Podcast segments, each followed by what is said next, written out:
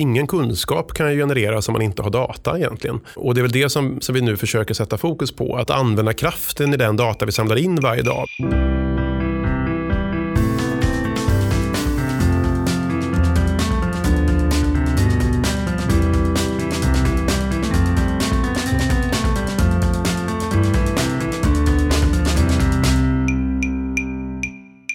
Kan vi öka möjligheten att kunskap som genereras i en region kommer alla Sveriges patienter till gagn? Det finns flaskhalsar och nu måste vi hitta sätt att ta oss förbi dem via samverkan. Vi möter Daniel Forslund, biträdande regionråd i Region Stockholm och pratar om hur morgondagens sjukvårdsorganisation behöver se ut för att kunna leverera skräddarsydd behandling och inte one size fits all. Idag är det jag, Anna Johansson, som leder podden ihop med Jessica Lundström. Och du Jessica har ju varit med i podden tidigare, men du kan väl bara kort presentera vem du är? Ja, gärna. Eh, jag leder vårt team på Bristol Myers Squibb som arbetar med patienters tillgång till läkemedel. Så det handlar om att när ett läkemedel är godkänt så är det inte alltid att det kan användas direkt till patienten utan man måste lösa vissa hinder som kan vara finansiella hinder eller handla om sjukvårdens organisation eller eh, policyfrågor, riktlinjer och sånt som behöver justeras. Så de frågorna jobbar vi med i vårt team. Mm, jättebra att du är med här idag. Och med oss i studion har vi ju då också Daniel Forslund. Och jag vill hälsa dig varmt välkommen till Precisionspodden Daniel. Stort tack för det. Ja. Du arbetar ju då som bland annat, får man säga, biträdande regionråd med ansvar för eh, innovation, digitalisering och life science. Eh, rätt stora fr frågor, breda ämnen. Ja. och det är en otroligt spännande tid just nu att jobba med just Verkligen. de här frågorna.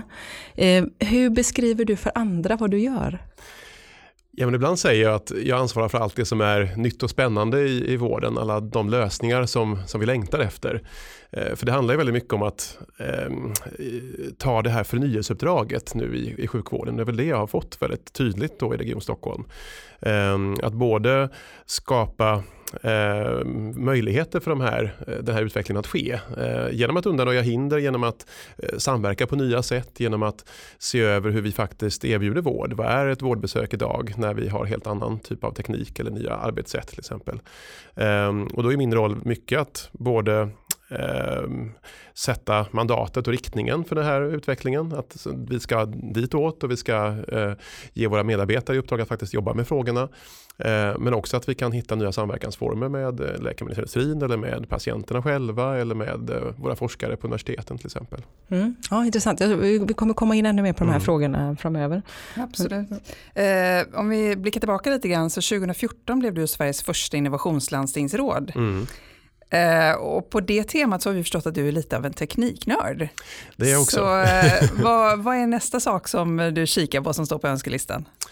Eh, det kommer ju ett Apple-event här nästa vecka som jag är väldigt nyfiken på. Vilken ny iPhone släpps, kanske en ny klocka, kanske nya andra saker som är lite roliga att köpa. Eh, för det kommer ju varje nytt, ny generation av teknik så, så kommer det ju spännande nya funktioner som man vill, man vill testa. Och det, det, på ett sätt är det bra att vara lite tekniknördig när man jobbar med de här frågorna för då är man ju själv i frontlinjen och får pröva det nya och kan då inspirera andra att faktiskt eh, ta sig steget och testa den här nya klockan där man kan mäta hjärtfrekvens eller hålla koll på sin hälsa eller annat. Och det är också en del av vårt uppdrag.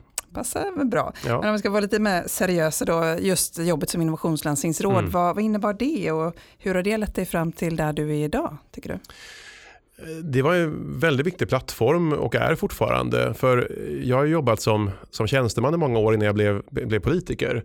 Ehm, och jag kände ju att man kan göra väldigt mycket spännande utveckling i, på myndighetsnivå eller från departementen som tjänsteman. Men det är ju i regionpolitiken som väldigt mycket av detta måste ske. Ehm, om inte vi har drivna beslutsfattare ute i regionerna i Sverige så kommer vi inte kunna undanröja hinder för utveckling eller ge medarbetarna mandatet att jobba med utveckling till exempel på ett bra sätt.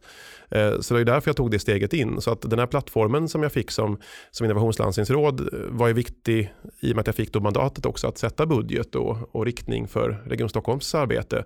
Men också sätta en, eh, en ny bild av hur politiken jobbar tror jag. Det var en viktig signal både inåt i vår organisation att wow, nu är högsta landstingsledningen på den tiden intresserad av innovation och digitalisering. Det var man ju inte riktigt förut. Och även om man var det så syntes det inte. Men nu fick vi en särskild rådspost för, för det här och vi skapade politiska beslutsorgan och eh, nya styrdokument. Så att det satte ju en annan nivå på vårt arbete märker jag ju. Och även fick lite intresse runt om i landet. Många har ju nu följt vårt exempel och efter det här valet så finns det ju, jag tror det är fyra, fem motsvarande poster runt om i regionerna i Sverige, vilket ju är jättekul. Ja. Mm. När man jobbar med de här frågorna, är det, liksom, är det viktigt att ha en vision och vad är i så fall den här visionen som du vill åstadkomma?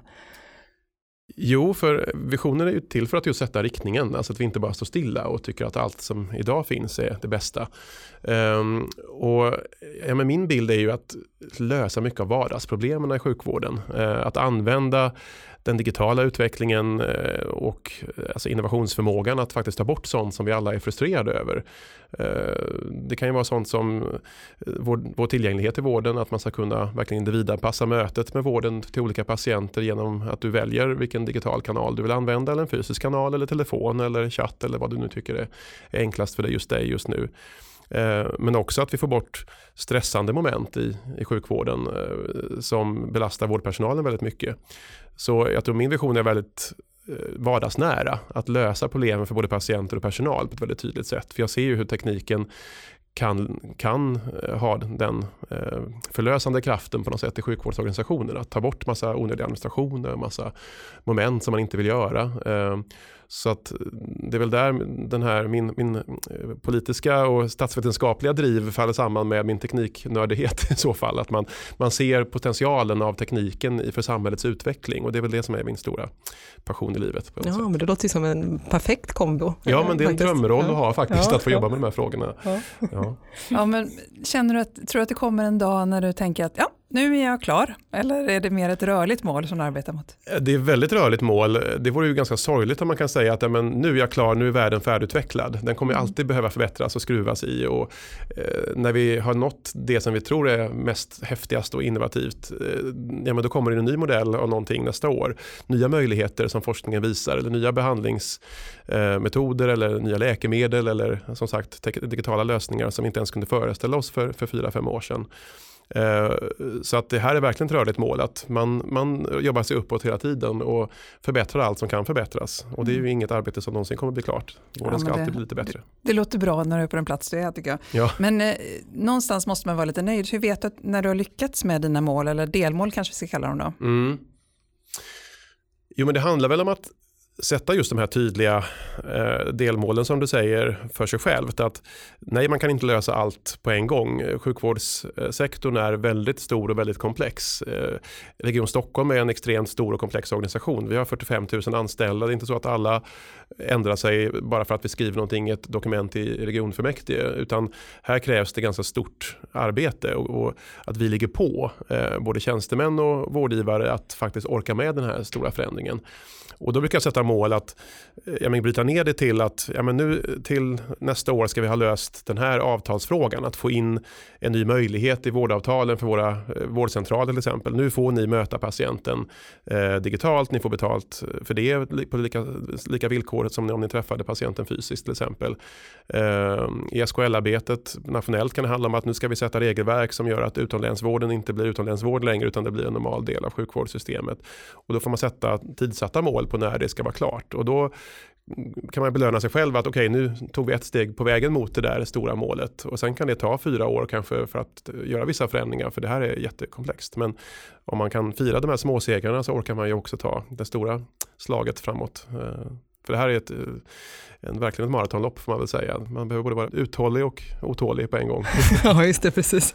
Men jag, jag tänker, för jag hörde någon prata om det här att förändring har blivit en kärnverksamhet och det är verkligen precis det du är inne på, det här med rörliga mål och det händer mm. mycket och sånt där. Och, eh, och då, då, handlar det inte bara om liksom, digitaliseringen utan då är det hela den här förflyttningen som, mm. är, som sker nu inom hälso och sjukvården. Man flyttar ut vården från sjukhusen för att liksom, ut till mindre enheter, kanske lite närmare mm. patienterna och sådär. Men, men hur ser du att, att det arbetet behöver utvecklas för att möta de här förändringarna? Då? Jag tror det är nyckelfrågan faktiskt. För eh, Tidigare var det väl så att, att forskning, utveckling, innovation det jobbade man mycket med på kanske våra stora universitetssjukhus och de allra största enheterna. Eh, Medan man på mindre sjukhus eller i, eh, på vårdcentralerna inte hade möjligheten kanske att, att jobba med, med forskning, utveckling och innovation. Och det är väl det som vi eh, har försökt göra i Region Stockholm. Eh, att göra innovation till en, en del av grunduppdraget. Du ska alltid utveckla och förbättra din verksamhet och du ska få chans att göra det också som, som undersköterska eller läkare eller psykolog eller vad du nu har för roll i organisationen. Även våra tjänstemän och förvaltningsdirektörer och andra ska vara lika aktiva som, som det där forskarteamet man var van vid förut.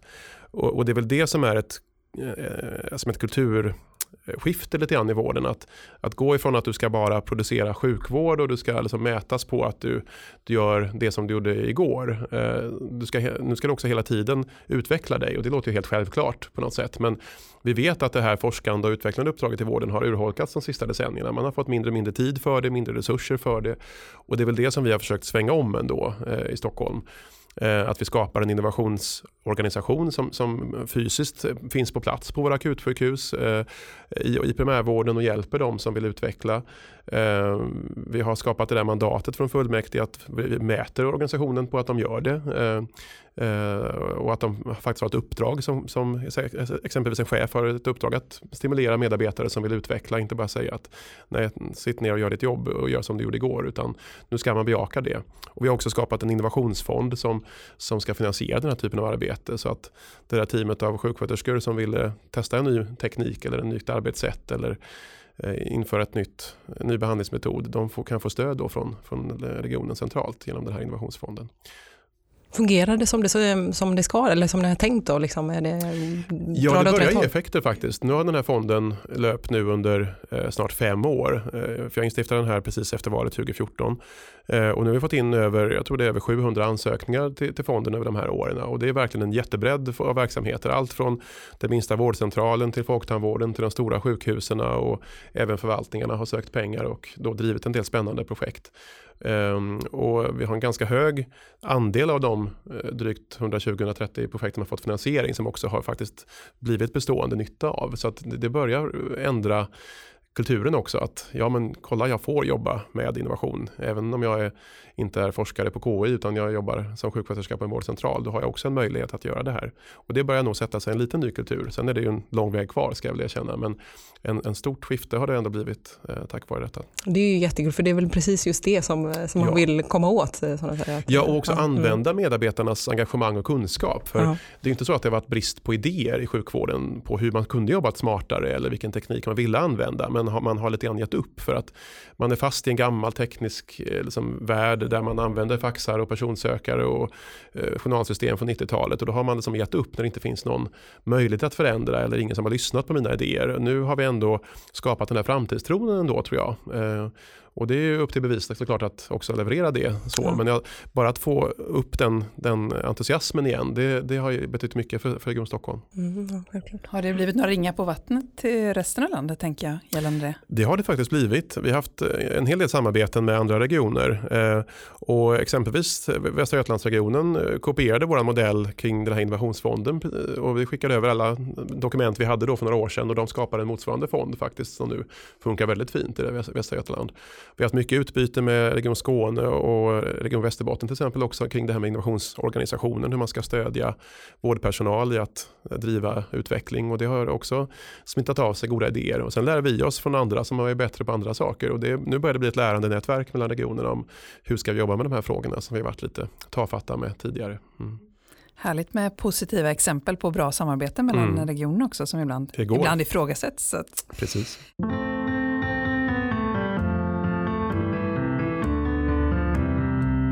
Ett område där ni nu har varit lite först ut, ett område som ligger mig väldigt varmt om hjärtat i alla fall, det är ju det här med att bättre utnyttja de data vi har i vården för att förbättra kvaliteten.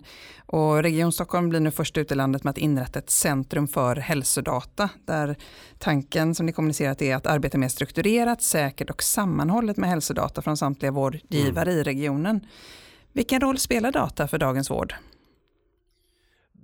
Mycket större roll än man förstår. Eh, för ingen kunskap kan genereras om man inte har data egentligen.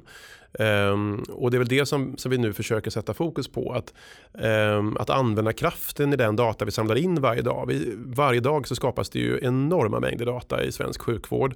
Men vi använder bara en bråkdel av den för att utveckla och förbättra vår verksamhet eller att se till att de nya behandlingsmetoderna kommer på plats. Eller att vi vet vilken metod som är faktiskt mest effektiv och mest patientsäker. Eh, eh, så att den här satsningen är ju ett sätt att ehm, få en bättre metodik helt enkelt. Hur vi både samlar in data, hur vi ska analysera den för eget bruk men också då kunna eh, säkert lämna ut den till, till en forskande team på KI eller ett forskande läkemedelsbolag som ska ta fram de nya läkemedlen till exempel och hitta ett sätt där vi höjer både eh, informationssäkerheten och skyddet av datan, att vi kan bli bättre på att att hantera känslig data när den ska föras vidare till andra ändamål. Men också att det går snabbare att få den typen av data till, till forskning till exempel. För idag vet vi att eh, det kan ta flera år att få in eh, bara basal data från, från sjukvården eh, för att se om, om det här läkemedlet faktiskt är säkert och effektivt eller om den nya metoden faktiskt fungerar. Och där måste vi få en snabbare lärocykel i, i vården så att vi kan ge våra patienter bättre verktyg att bli friska snabbare. Det handlar ju verkligen om att få fram ny medicinteknik, nya, nya läkemedel och nya behandlingsmetoder mycket snabbare. Och, och detta gör vi ju för patientens bästa verkligen. Det kommer ju också kunna bidra till att man kan bli mer effektiv, mer kostnadseffektiv i vården också. Absolut. Minimera liksom onödiga insatser. För, det, för utöver det här att bara forska fram de nya metoderna så handlar det också om att få data för att varje dag se hur jobbar jag på min klinik. Och det är ju det största syftet med den här satsningen egentligen att vi ger våra, våra egna verksamhetschefer bättre analysunderlag egentligen. Att se på systemnivå, inte bara på kanske den egna kliniken utan också den här patienten som gick från vårdcentralen till en eh, digital vårdaktör till eh, det stora universitetssjukhuset till en privat specialist. Hur funkar hela den här vårdkedjan och vilka, eh, vilka sätt kan man förbättra patientens hela resa i vården eller för en viss patientgrupp om man tar den här ålderskategorin av diabetiker i Stockholms län, hur ska de behandlas som då ska kunna få en bättre vård på systemnivå där de kanske som sagt besöker fyra, fem vårdgivare. Eh, då måste vi också ha aggregerad data som, som vården kan agera på. Mm. Så det här är en väldigt spännande satsning som, som nu eh, går igång här från 1 oktober. Eh, och jag hoppas att vi också kan få ett lärande nationellt kring de här frågorna. För här behöver Sverige bli bättre på det. För det är också en fråga om vår konkurrenskraft i världen. Att vi kan locka till oss de skarpaste hjärnorna från eh, forskarvärlden eller de stora investeringarna till life science-sektorn och att de finns här. Och att eh, olika team som behöver data kan också få det på ett säkert och, och effektivt sätt från, från Sveriges sjukvård och Stockholms sjukvård. Ja, vi har ju tidigare avsnitt i den här podden varit inne på, på det här med och pratat ganska mycket om det här med gendata och, mm. och ja, datahantering och sådär. Och jag tänker just i, för området precisionsmedicin då så är ju gendata väldigt mm. värdefullt. Ja. Det är ju liksom själva springpunkten där. Ja. Eh, och det är ju både för, såväl för, som för, för forskare som för eh, tredjepartsaktörer, man kan tänka sig försäkringsbolag mm. eller arbetsgivare eller eller eh, kanske till och med släktingar som vill få reda mm. på vad, liksom, vilka genetiska risker de har för olika mm, mm. saker och sånt där. Eh, som kan rädda livet på dem då, ja. eventuellt. Eh, hur ser du på, ska liksom statliga myndigheter eller den typen av organ, ska de ha en koppling till detta också och få tillgång till den här datan? Nej, det tycker jag nog faktiskt inte. Eh, för det blir en lite fråga om en trovärdigheten också för, för oss som, som vårdgivare. För vi samlar in data just för att erbjuda vård och behandling. Mm. Och då ska de här data användas just för det. Eh, sen kan det vara så att en patient eller en individ ändå vill ge och donera sin data för, för ja, den stora forskningen eller för en myndighets användning av, av den här till exempel. Men det ska vara det egna beslutet tänker jag. Det ska, då ska man verkligen ha ett, ett eh, informerat samtycke där jag själv ger den här datan till, till en, en tredje part. Det ska, det ska, inte vi göra som vårdgivare. Så här är vi ganska strikta att det får användas bara för, för vårdens egna ändamål eller för då det som är medicinsk forskning och utveckling. Eh, Eh, och där tror jag vi behöver en, en ganska stor diskussion i Sverige om, om de både etiska och legala aspekterna kring det här. För där har vi också eh, satt en, en, en gemensam ribba av integritetskänslighet. Eh, alla människor har olika som, känslighet hur, vilken data jag vill bjuda på. Vissa klickar glatt ja till alla sådana här små rutor man ska bocka i om du godkänner att din data används till olika saker. Vissa läser noggrant och vill verkligen säga, säga nej ibland och det här känner inte jag mig bekväm med. Och där tror jag att vi måste hitta en mer individbaserad eh, också integritetslagstiftning och samtyckeshantering som gör att du kan godkänna för olika ändamål eller säga nej till andra ändamål och att vi gör det mycket mer transparent mot, mot eh, individen själv i så fall. Mm. För det är därför också, det är så vi bygger trovärdighet för en sån här stor satsning. Att vi, data behövs för att du ska kunna rädda liv. Men du ska också veta att den inte kommer till andra ändamål som du inte vill eh, själv. Men tror du att det kan finnas en, jag får lite uppfattning att det finns en okunskap om när man pratar om det här med dela mm. data, vad ja. det är man delar och yes. hur det kommer att användas. Det, så är det verkligen och det märker vi ju när den här satsningen presenterades nu för några, någon månad sedan att, att man missförstår. Eh, det låter som att nu ska vi sälja data till höger och vänster och liksom, ska, ska vi tjäna pengar på det här eller att eh, man kan följa då på individnivå eh, just dina hälsodata mm. och så är det ju verkligen inte. Eh, som sagt, det kommer vara att man begär ut 30 000 patienter som har fått det här läkemedlet och du kommer bara se på en väldigt aggregerad nivå liksom hur, hur eh, man, har, man har svarat på en ny medicinering till exempel. Det är inte att du följer just dina data. Vi kommer aldrig lämna ut enskilda patienter om inte de har samtyckt till det. Eh, och det är väl där det finns en hel del missförstånd tror jag. Liksom, och, eh, och kan få ibland befogade rädslor för det har varit en del skandaler runt om i samhället och runt om i världen också där man har varit slarvig med, med det här att mm, ja, använda data till fel ändamål eller att man inte informerar om hur man ska använda datan.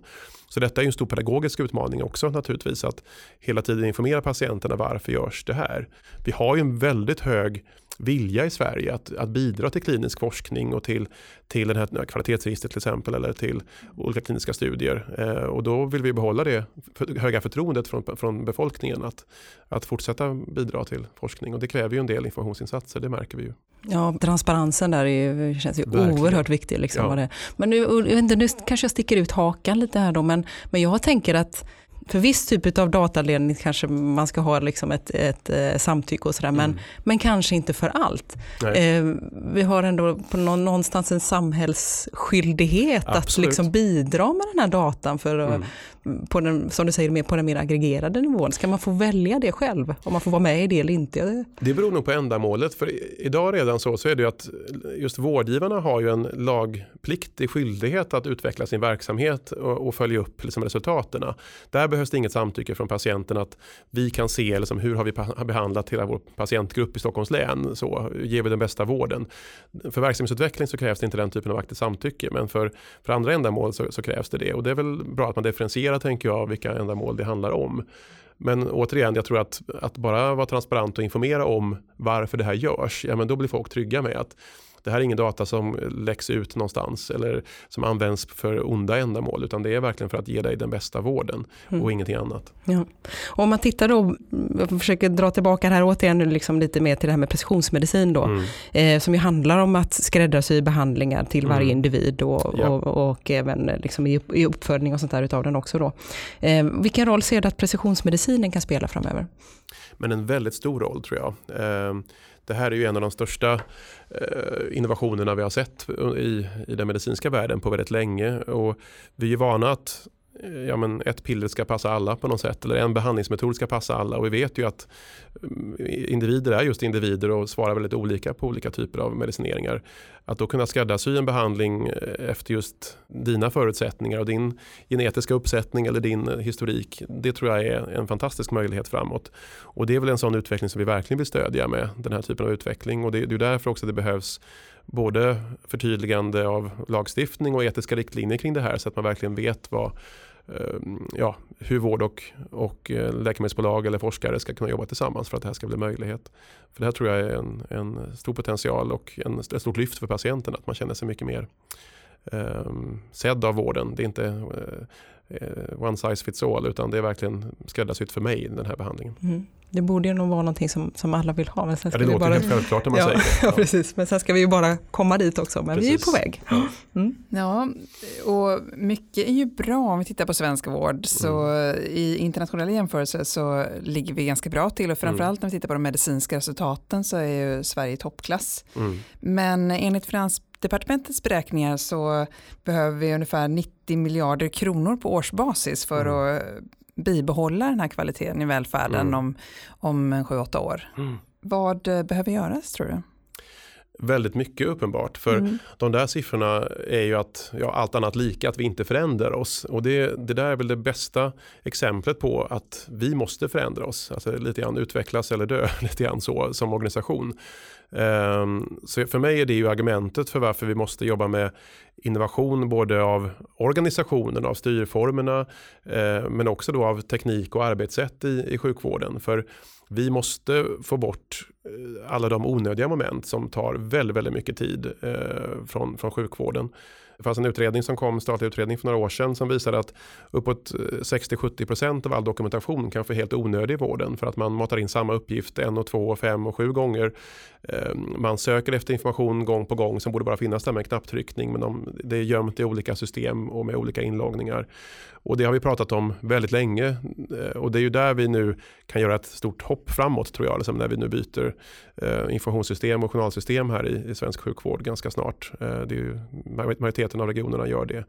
Och det är väl den typen av investeringar vi måste göra i tekniken, alltså att byta grundplattform, byta arbetssätt kopplat till dokumentation och se till att vi då för tid från onödig administration till vårdmötet. För då räcker varje eh, sjuk, sjuksköterskas arbetstid kanske till dubbelt så många patienter plötsligt för att du tar bort massa moment som kan helt automatiseras eller eh, sånt som kan göras mycket smartare. Eh, och du kan få informationen du behöver med dig tillgängligt i en surfplatta eller vad du nu behöver för att ta del av den. Eh, Idag ska du sitta i en liten sjuksköterskeexpedition med en stationär dator och slå i gamla system som ser ut som det gjorde i vår barndom ungefär. Och det, det, är inte riktigt värdigt en organisation som ska rädda liv. Och det är väl det jag tänker, är, där har vi receptet för att lösa mycket av de här utmaningarna. Vi kan inte bara anställa ytterligare en sjuksköterska som står och faxa utan vi behöver ta bort den faxen så att två sjuksköterskor kan jobba mm. med helt andra saker än att stå och göra onödiga administrativa uppgifter. Och det vet vi att det finns väldigt många av tyvärr i vården. Mm. Det har ju pratats om just det här med administration ganska länge. Ja. Varför har, har inte något mer gjorts än? Därför att vi har haft för få personer som jag som haft ansvar för digitaliseringen och innovationsarbetet i, i våra regioner. Eh, det här har setts som någonting annat än sjukvård ibland. Att ja, ja, det där är teknik, det kan IT-avdelningen eh, hantera. Det, vi vill satsa på nästa psykiatrireform eller primärvårdsreform. Och så har man liksom lite glömt politiskt och även bland tjänstemännen att alla, alla de där reformerna kräver en ganska stor teknikdel och de digitala verktygen för att fånga upp eh, patienter med psykisk ohälsa tidigt eller att nå målgrupper vi inte når med de vanliga metoderna. Att tänka att vård inte behöver vara ett, ett hus eller en fysisk plats utan det ska finnas som en service med dig så att du verkligen kan jobba förebyggande och preventivt eh, och stödjande i vardagen för människor.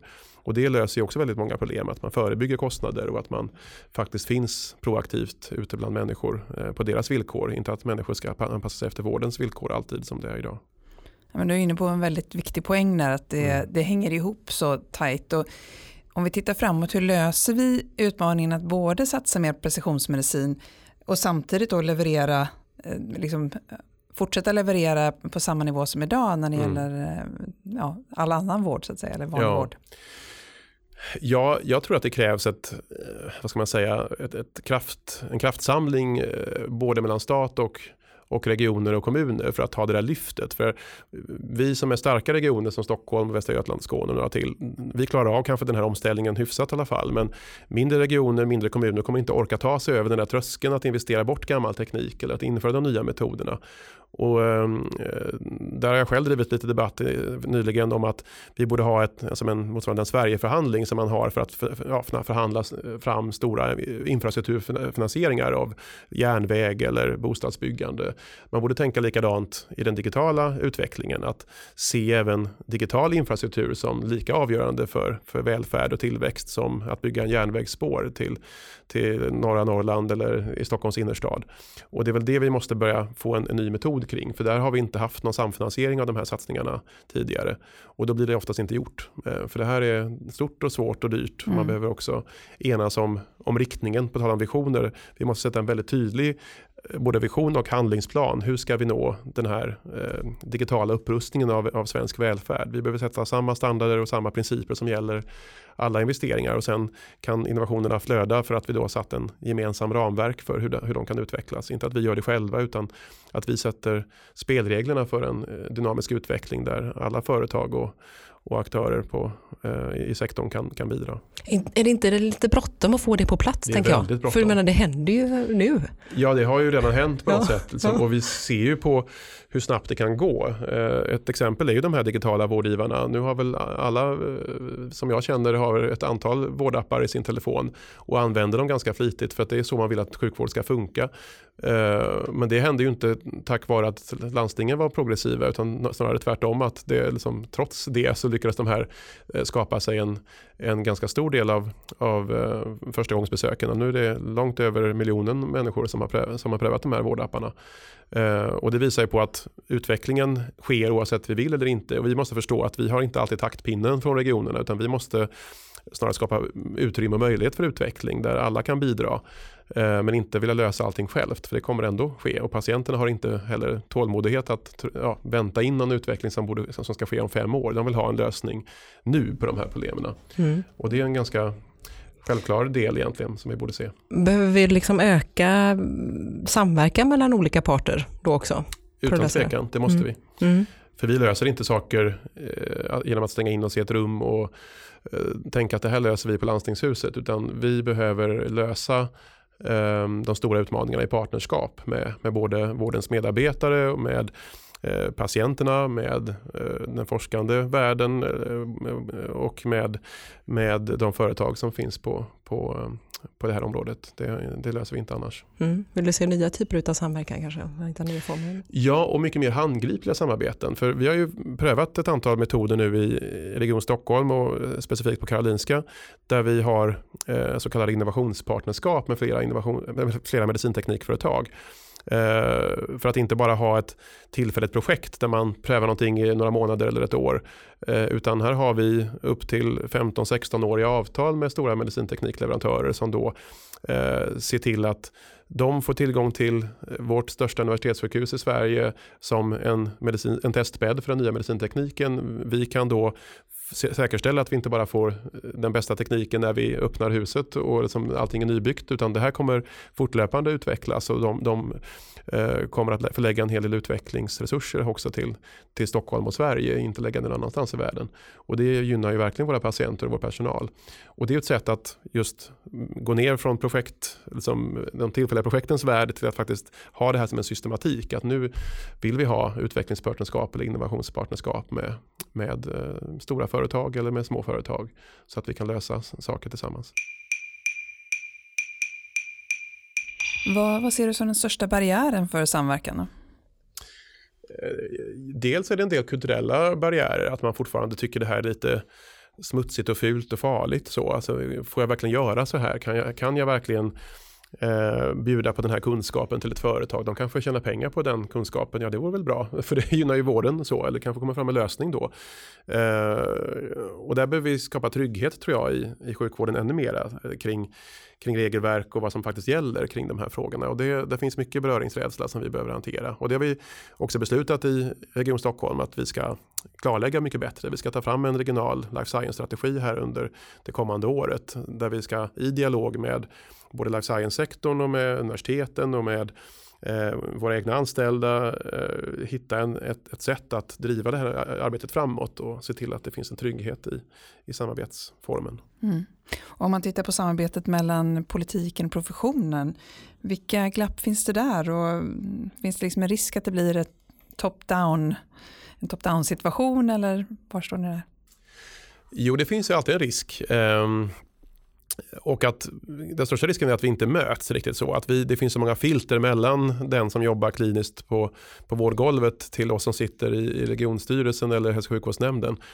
Eh, och det kan man ju lösa genom att själv finnas ute i vården ibland. Eh, så jag försöker lägga i alla fall några dagar i månaden att vara ute på studiebesök eh, och, och träffa personal som då kan berätta sin verklighetsbild och sina behov som, som de har som vi kan lösa. Det är väldigt värdefullt.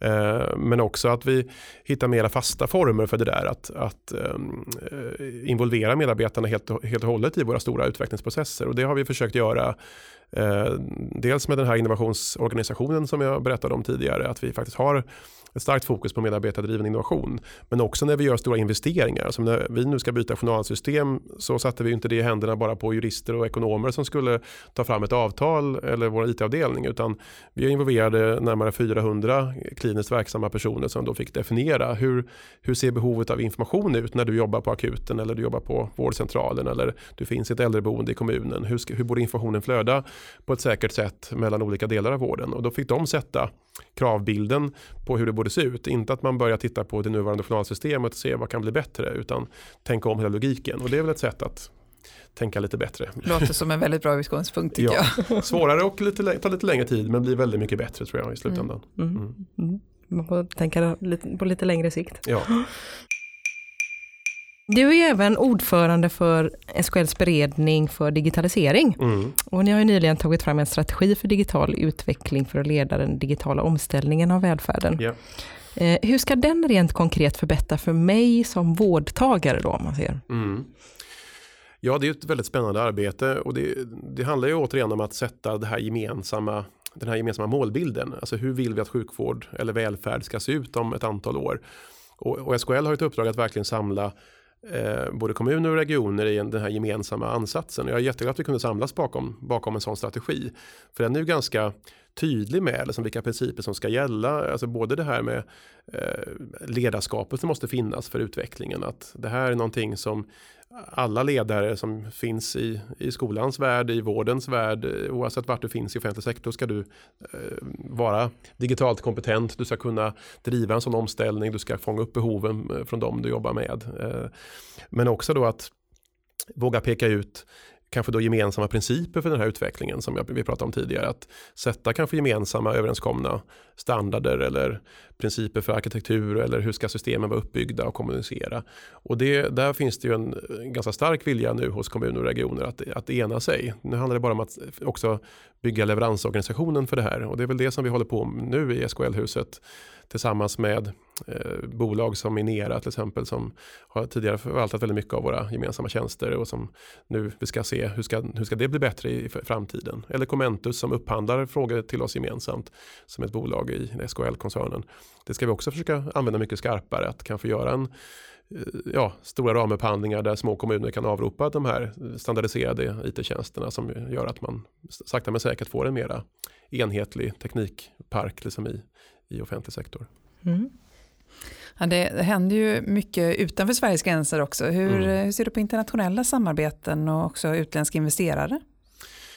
Eh, jag tror internationell samverkan är helt avgörande för, för utveckling. Eh, om jag återgår, återgår till exemplet om det här med att byta journalsystem som vi nu ska göra i Stockholm och i, i 12 andra regioner i Sverige. Där har ju vi från Stockholms sida haft väldigt tät utbyte med, med grannländer som ja, huvudstadsregionerna i både Oslo, i Köpenhamn och i Helsingfors till exempel, som ligger väldigt nära oss. Eh, där vi lär av deras erfarenheter. Hur, vilka krav ställde de? Hur gick eh, upphandlingsprocessen? Hur gick införandet? Vad kan vi undvika för fel? Vad kan vi göra bättre än dem? Eh, men också då eh, byta verkligen praktiska erfarenheter om hur man ska organisera arbetet längre fram. Eh, jag har ju sett på, på den stora förbättring som har skett när det gäller den digitala utvecklingen både Danmark och Norge till exempel där man har gjort stora förändringar på nationell nivå och skapat gemensamma styrstrukturer och annat mellan regioner och, och stat som har verkligen gjort eh, skillnad i att sätta fart på utvecklingen till exempel och skapa tydlighet i genomförandet. Och sånt måste vi också titta mycket mera på. Och när det gäller investeringar som du nämner, det är ju också förutsättningen för en dynamisk sjukvårdssektor. Det ska, det ska inte bara finnas svenska företag som jobbar med life science i Sverige utan vi vill ju att alla stora globala koncerner ska se Sverige som en fantastisk testmarknad för de nyaste innovativa läkemedlen och att kunna snabbt ehm, eh, få tillgång till, till relevant data eller till kunskap man behöver för att driva den ut utvecklingen framåt. För det tror jag vi alla gynnas av om, om den utvecklingen också sker här och inte bara på andra ställen i världen. Mm, det är sånt som vi gärna vill jobba med också såklart. Ja. Eh, du nämnde ju våra nordiska grannländer, men mm. finns det något land som, som ni ser som en inspiration och som är föregångare? Liksom? Jo men Danmark tror jag ändå man ska lyfta lite Mm. särskilt mm. för de har ju lyckats vara väldigt tydliga med styrstrukturen och finansieringen av de här utvecklingsprojekten. Eh, där finns det gemensamma organ mellan Eh, danska kommuner, regioner och stater som där man bestämmer en hel del om inriktningen. Man vågar också eh, inte bara eh, sätta någon luddig vision utan man sätter väldigt tydliga mål och man kravställer på ett annat sätt också. Är, eh, nu är det inte okej okay att skicka pappersbrev längre, då har man normerat från den danska digitaliseringsstyrelsen och säger att du får inte skicka pappersbrev till någon om inte det finns särskilda skäl för det. Man vänder på logiken och säger mm. att digitalt är normalt och papper är undantaget. Och det, det är ett sådant exempel där man faktiskt lyckats eh, få framgång. Det har då drabbat Postnord ganska hårt för de har inga, inga brev skickas till Danmark längre men det, det får vi bära i Sverige då. Ja. Men, men eh, det, en, en, det, går att skapa ganska stora förändringar om man är tydlig från, från, eh, från eh, offentlig sektor vad man vill. Även Holland tycker jag är ett väldigt spännande land som har både gjort stora spännande strukturreformer i vården, hur man ska finansiera och organisera sjukvården, men också då hur man snabbt sprider digitala satsningar mellan olika vårdgivare. Det har också varit väldigt mm. spännande. Så att de två länderna tror jag är lite extra spännande för studiebesök och utbyte framåt. Mm, bra, bra exempel. De lyfts faktiskt inte lika ofta som man hör både Finland och Estland. Och mm. sådär. Så att, ja. Mm. Mm. Om du vill spå in i framtiden här då, vad, liksom, vad gäller just precisionsmedicin och kanske den personcentrerade vården som man gärna pratar ja. om också. Vad, vad tror du vi är på väg med det? Ja, men vi står väl lite grann mitt uppe i ett genombrott känns det som. att Eh, Eh, dels börjar fler patienter veta att det finns och att man kan fråga efter det. Det börjar bli känt på, på, inom vissa diagnosområden. Um, och det känns också som att, att forskningen har gjort så stora framsteg nu att man kan se och börja också följa effekterna av att eh, ha en, en, en, en sådan medicinering kontra en mer traditionell. Och då, då börjar också, tror jag, utvecklingen att ta fart mycket mera. Det som krävs väl, är väl både affärsmodeller som stödjer det här och att vi kan tänka nytt när det gäller eh, läkemedelsförmån och liksom processen för att introducera läkemedel. Där eh, gör man ju förändringar liksom med, med fler och mer gemensamma processer mellan regionerna till exempel och mellan region och stat för hur, hur den här typen av läkemedel ska, ska kunna komma in, på, uh, in i sjukvården och göra nytta. Uh, och det är alltid en stor kostnadsdiskussion såklart. Och där tror jag också man ska hitta nya affärsmodeller till exempel. Där man riskdelar mer mellan, mellan läkemedelsindustri och, och vårdgivare. Så att det inte blir en jätteinvesteringspuckel det första. Och sen så kommer nyttan några år framåt. Att man kanske kan riskdela över åren. Det finns ju ett antal spännande satsningar kring Health Impact Bonds och annat där man försöker dela upp den här kostnaden lite bättre så att man inte skapar för höga trösklar för att lansera de här nya läkemedlen. Så där tror jag det kan hända ganska mycket under de kommande åren. Mm. Och vad tror du blir den största förändringen inom, förändringen inom ditt område om man tittar då liksom det här politiska arbetet som mm. liksom, att driva det framåt inom, inom både innovation och digitalisering. Vad, den, låt säga den kommande femårsperioden, vad, mm. vad kommer hända där? Den mest påtagliga förändringen det kommer nog vara det här att, att vården har bytt eh, teknikplattform. Man kommer ha nya journalsystem, nya både stöd för dokumentation och för, för beslut. Du kommer ha fler intelligenta beslutsstöd. Du kommer ha en mer standardiserad teknikplattform som gör att du snabbt kan få in ett nytt verksamhetsstöd, det här beslutsstödet för just, vad vet jag, cancersjukvården eller för eh, någon kirurgisk applikation som kan snabbt föras in. Det tror jag vi har om fem år, eh, för då, då är vi igenom den här stora eh, fasen av införande. Och det kommer öppna upp väldigt mycket utveckling tror jag och nya arbetssätt kommer snabbt kunna etableras också i vården när vi har fått de här, det bättre stödet som gör att man inte hålls, hålls kvar i gårdagen som vi görs med, med dagens system. Sen tror jag också det här med med eh, de digitala vårdtjänsterna kommer att ha kommit väldigt långt på de här kommande fem åren. För det är ganska exakt nu fem år sedan som, som, som exempelvis Kry lanserades i, i Sverige. Det har gått väldigt snabbt från noll till över en miljon eh, patienter. Eh, nu tror jag vi kommer kunna få ännu fler eh, digitala tjänster som inte bara når den enkla förstagångsbesökaren utan som verkligen ger eh, ett ganska intelligent och aktivt stöd för dig som är kronisk sjukdom till exempel. Att få stöd i att medicinera rätt, att kunna hålla koll på dina värden, att vi kan bygga om sjukvårdens kontaktyta mot den här gruppen av kroniska patienter för att eh, eh, ska man säga, ge en en preventiv koll på att när dina värden börjar droppa eller du hamnar utanför din normalkurva då kan vården larmas och du kan få ett stöd i att undvika sjukdom eller mycket mera. Det tror jag kommer också vara långt gånget om fem år och det är en väldigt stor förändring i hur vården upplevs av patienterna. Att vården finns alltid nära mig i min, min device som jag har på mig. Det kanske finns en smart funktion i din klocka om några år som, som håller koll på alla saker. Eh, eh, och det är sånt som som vi verkligen vill stimulera eh, i sjukvården. Att få tala om att lösa de stora problemen eller undvika finans, finanskris. Ja.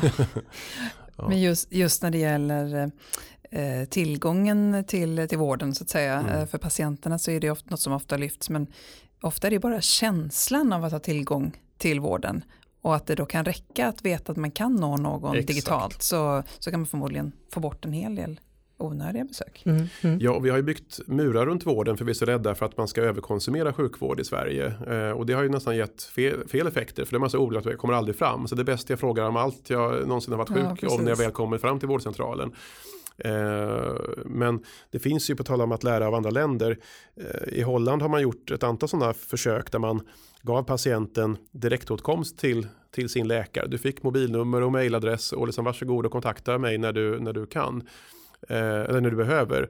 Och då minskade vårdkonsumtionen. Det var inte alls så att om folk ringer galna hypokondriker varje natt och pratar om sina sjukdomar utan trycket minskade snarare för att då vet man när jag väl behöver det här, när jag väl blir sjuk så, så, får, så får jag vård. Mm. Eh, så att just oron att inte få kontakt tror jag är en, ska tas på allvar. Och att vi eh, bygger om systemet på det sättet och vågar lita på att patienter faktiskt, det, högsta drömmen är inte att sitta och prata med en läkare flera timmar utan det är att vara frisk. tror jag. Det, det är den högsta drömmen för de flesta människor och inte behöva besöka vården någon enda gång. Uh, och det behöver vi också bygga systemet efter. Så. Mm. Uh, det är väl det vi försöker göra i Stockholm, att tänka Eh, att du ska kunna välja den kontaktmetod som passar dig bäst. Om jag inte vill prata telefon för jag börjar stamma och blir jättenervös när jag pratar med läkaren, ja, men då ska jag kunna skriva istället eller skicka en bild på det som jag vill ha hjälp med. Eh, om jag tycker det är jobbigt att resa, men då kanske jag ska ha ett videobesök eller en annan typ av onlinekontakt. Eh, eller om jag verkligen vill ha ett fysiskt besök och det är det som jag behöver för att jag ska få en undersökning, men då ska jag ha det också. Och hela det spektrat ska ju finnas alltid. Att du har valfrihet att välja kontaktmetoder som passar dig just nu utifrån dina behov. Mm. Jätteintressant, det är faktiskt ett lite nytt perspektiv det här, ja. att det är mycket psykologi i det här. Liksom, hur man, ja. Mm. ja, vi ska runda av det här samtalet nu. Jag tänkte bara höra, vad, vad, tycker du har varit det viktigaste här i vårt samtal idag? Ja men det är väl det här vad ska man säga, eh, alltså fokus på framtiden men att våga bli konkret i det. Att inte bara tänka att framtiden eh, finns där framme och den kommer hända eh, oavsett om vi gör någonting eller ej. Utan det kräver faktiskt ganska mycket aktivt arbete för att ställa bort hinder för att skapa de här möjligheterna vi vill ha. Eh, och, det går igenom alla de här stora frågorna vi pratar om. Vill vi ha precisionsmedicin? Vill vi ha digitala vårdmöten? Vill vi ha bättre digitala arbetsmiljöer för, för vår personal så krävs det ganska mycket Eh, hårt arbete. Och jag sa i början att eh, jag får jobba med alla de roliga frågorna i, i Region Stockholm och så är det ju på ett sätt men jag lägger ju majoriteten av min tid på de tråkiga frågorna att städa bort sånt här som inte funkar, teknik som ingen vill ha eller regelverk som är helt obsoleta och styr oss bakåt. Alltså det är ju det som tar mest kraft och tid. Och det måste man också inse att innovation kräver eh, modiga förändringsledare på alla nivåer. Inte bara jag själv utan jag behöver ha förvaltningschefer och liksom, modiga verksamhetschefer och medarbetare som, som vill pröva det nya och att skapa tryggheten där det tror jag är det viktigaste. Mm, riktigt. Sen har jag en fråga som jag ställer till alla som är med i den här podden.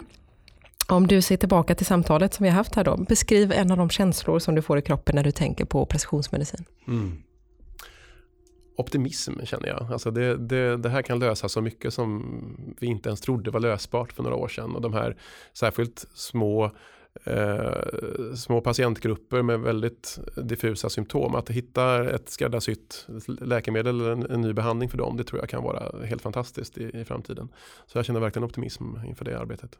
Härligt, det är en positiv avslutning, eller det har varit ett väldigt positivt samtal tycker jag överhuvudtaget. Men eh, bra avslutning, tack så mm. jättemycket Daniel för att du kom hit. Tack så mycket, Tack så Spännande mycket. samtal. Mm.